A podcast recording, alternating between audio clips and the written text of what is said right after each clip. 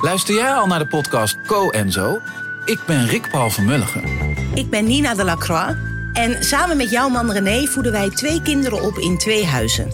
Co-ouderschap. We hebben het over alles wat je daarin tegenkomt. Maar ook over de juice tijdens onze kinderloze dagen, want die heb je ook in het co-ouderschap. Een podcast voor alle ouders in alle vormen, maar ook voor alle mensen zonder kinderen. Zijn we eerlijk, heerlijk herkenbaar. Dus luister naar Co en Zo in je favoriete podcast-app. Relaas maakt kans op een oorkonde. Dat is wat de grootste, maar ook de enige podcastprijs van Vlaanderen. En wij willen die oorkonde heel graag winnen. Maar we kunnen zelf niet veel doen.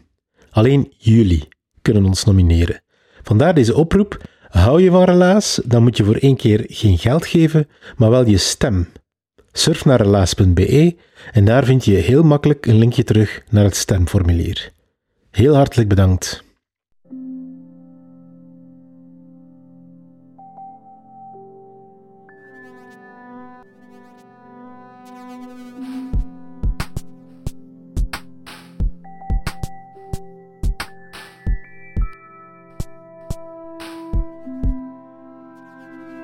Hey, ik ben Pieter van Relaas. In Relaas vertellen mensen waar gebeurde verhalen die ze zelf hebben meegemaakt. Zoals Rick. Rick, dat is een idealist. En soms doen idealisten eerst en denken ze daarna.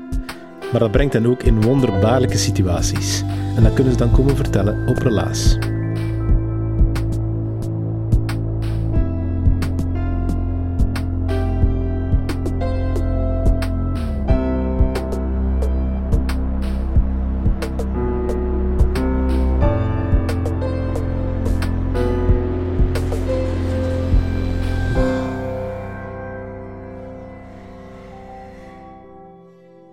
Mijn verhaal gaat eigenlijk ook over zotte ideeën en de liefde.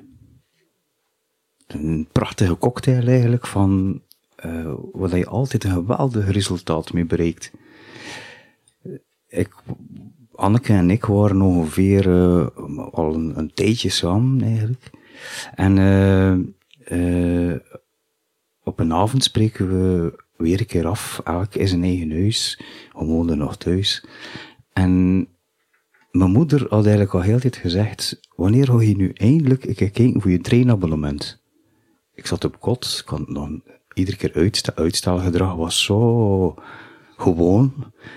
En uh, op die avond ook weer, zeg ik, nu ga ik echt kijken voor mijn, voor mijn treinabonnement. Komt in orde, moeder, die moet er niet meer in zijn. Dus spreek ik af met Anneke, komt ze af met een geweldige enthousiaste idee, maar moet je nu wel weten. Ik met een vriendin en die is nu al, ja, die is nu gebouwd en die gaat verhuizen. En uh, dat huisje dat te huur staat, dat is toch leeg. En dat is echt voor geen geld. Allee, het was 10.000 frank of zoiets. Um, we moeten echt een keer nu gaan kijken. Ook oh, in het vol enthousiasme, de fleur, de vlinders en heel de boel ik vertel nog tegen Urian, maar ik moet eigenlijk echt wel voor mijn trainabonnement eerst gaan zien. Maar ze nee, nee, dan gaan we, want het is nu doen, want als we dat niet doen, dan gaan we dat, dus, alle vijf en zes samen, en dan dottertje van uur, gaan we naar, uh, naar een huisje gaan kijken.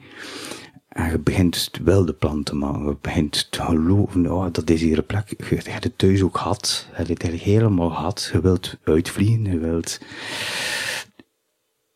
Lang verhaal kort te maken, maar je weet het we zijn naar rust gegaan. Die deur gaat open, moeder staat daar en die zegt, uh, ah, hij nu eindelijk hun voor je de treinabonnement eigenlijk gewoon ging. Ik, uh, toen zei hij, ja, moeder, nee, de, uh, dit voor een het, uh, donderen en keulen. Toen wist ik dat zag er ongeveer als uit. Uh, ik zei, ja, nee, maar dit, uh, uh, moet eigenlijk een keer iets vertellen, eigenlijk. We zijn eigenlijk van plan om, om samen te gaan wonen. Toen kwam die bliksemschichten. Na donderen. Maar de hele uitleg over jong, geen geld en je zit nog op school, je moet nog je burgerdienst doen, hoe ga je dat allemaal doen? Je weet niks van het leven, je weet dit niet, je weet dat niet, blablabla, dat, dat, dat. Uh, ja, ik zeg, ik moet eigenlijk nog iets meer vertellen, moeder. Uh, men de zuster eigenlijk wist gewoon kijken voor een duzzetje. Al. En men eigenlijk al getekend. En eigenlijk moeten we er volgende maand in. ik weet niet wat er achter de bliksem kwam, maar dat was een totale verbijsterende blik met ongeloof en, en uh, je weet niet wat dat je doet en wat, wat, wat, kost dat dan? Uh, en dus hoe ga je dat dan doen? Ja, ik zeg, ja, dat kost...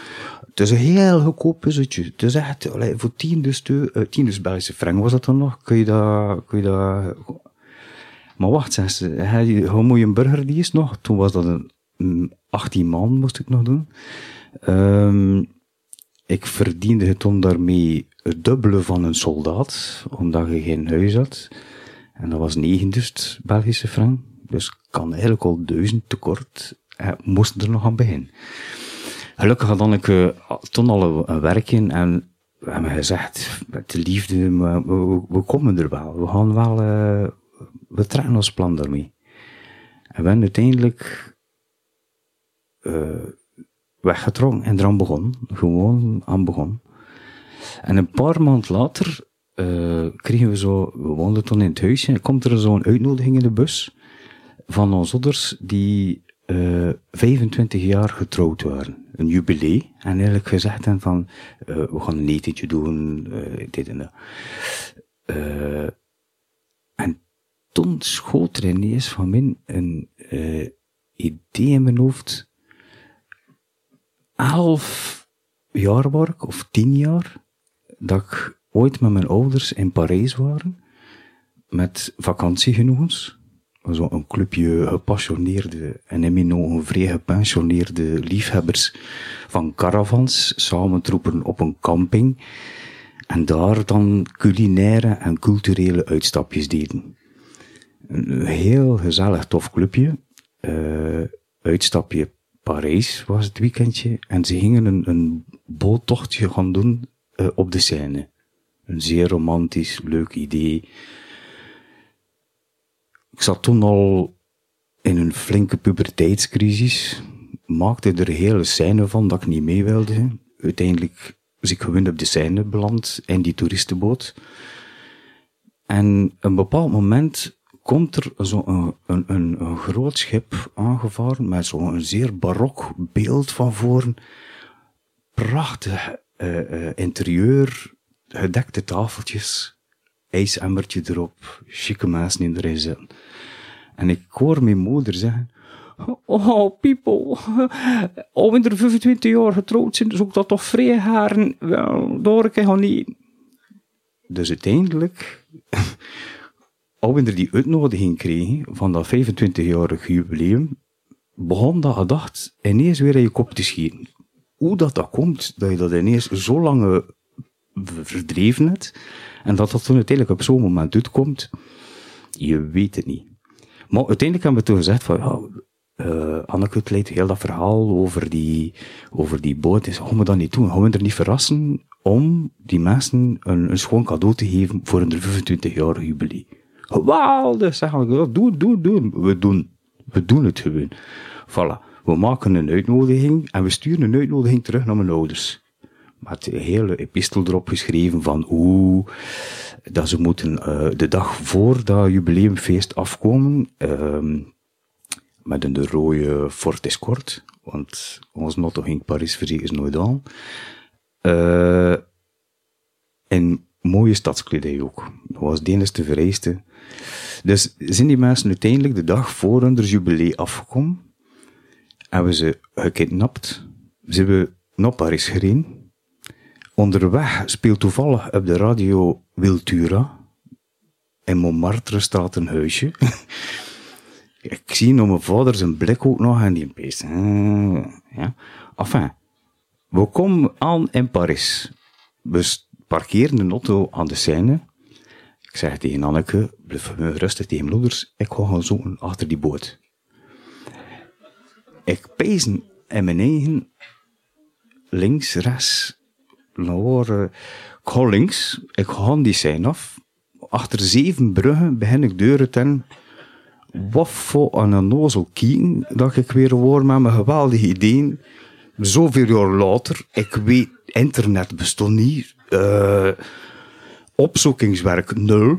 Gewoon het passie gedreven en gaan.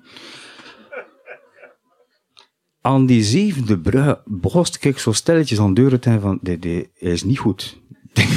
de, ehm, een licht gecontroleerde paniek schoot eigenlijk over me.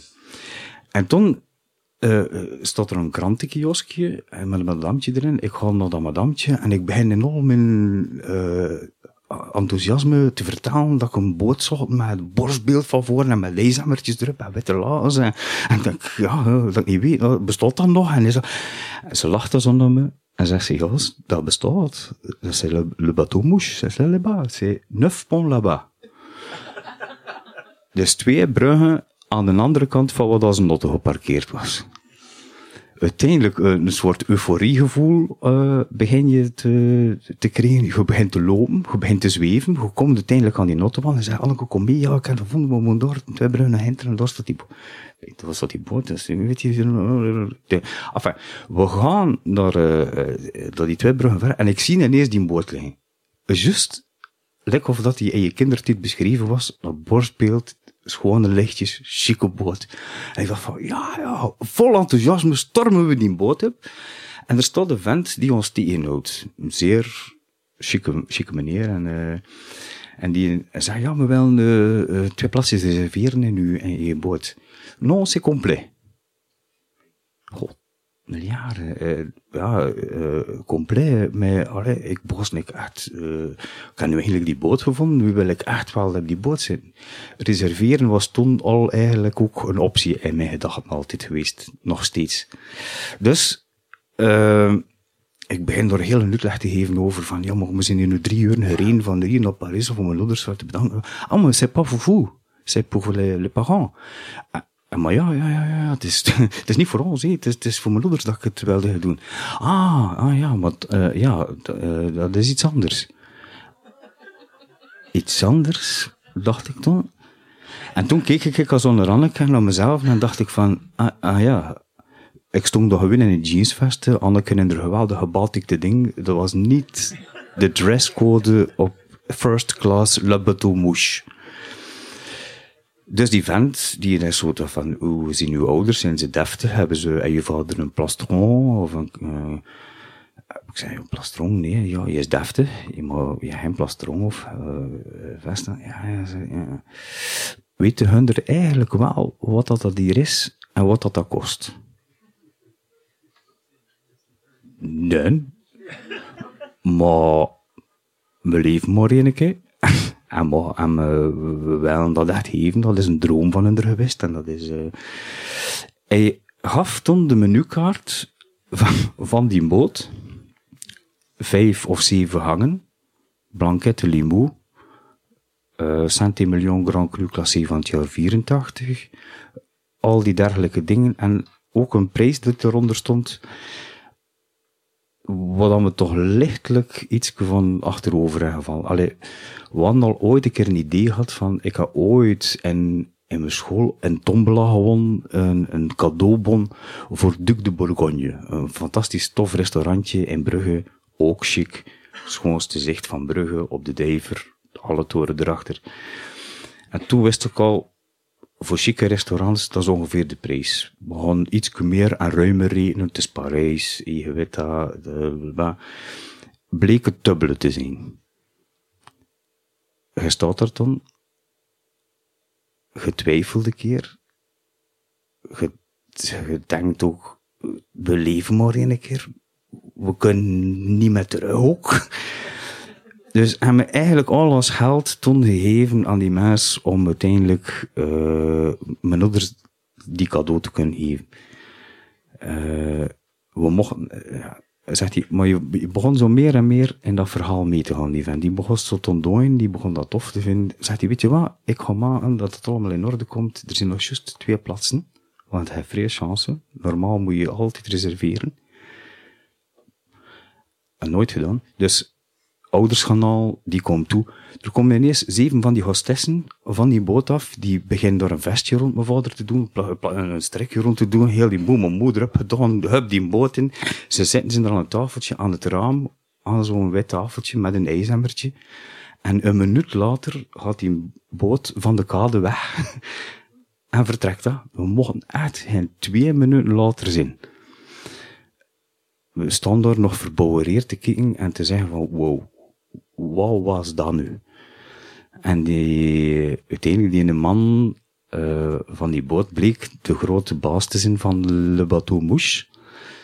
En die vond dat zo'n schoon idee, dat hij zegt van, kijk, ik geef je er twee ticketjes om op de toeristenboot, want al die boten worden van hem, om daar een tochtje mee te doen. Ik vond dat eigenlijk vrij sympathiek. Maar eigenlijk nooit gedacht dat ik zoveel jaar later op die toeristenboot tussen al die toeristen met Anneke op de scène ging zijn. En op een bepaald moment zie je me in de verte dat die boot afkomt met dat barokke beeld. dat is gewoon uh, verlichte, prachtig verlichte boot die op die scène van Parijs passeert. En die boot passeert en ik zie mijn ouders daar zitten, op die boot, lekker aan het genieten van er zoveel te hangen menu of whatever. En we worden zo ontroerd over wat we daar zagen, dat ik uiteindelijk op dat moment ook Anneke te huwelijk heb gevraagd. Om dat te bezegelen hebben we toen uiteindelijk, want de toeristenboot, dat gewoon maar een, een kwartiertje, twintig minuten rond. Die boottocht van mijn ouders was voor drie uur. we worden vol overgave en passie van akkoords uh, uh, huwelijksaanzoek geweest. Mijn man ook nog niet eten. We moesten nog... mijn man ook geen geld niet meer over. Al het geld voor de gewone verbie. dus hebben we uiteindelijk onder de Eiffeltoren uh, een kraamtje gevonden die ons een stuk van een vierde van een pizza kost geven voor de klutters dat we nog gaan. En uiteindelijk, uh, geld speelt geen rol. Want de liefde is eigenlijk onbetaalbaar. En de zotte ideeën ook. Dank u wel.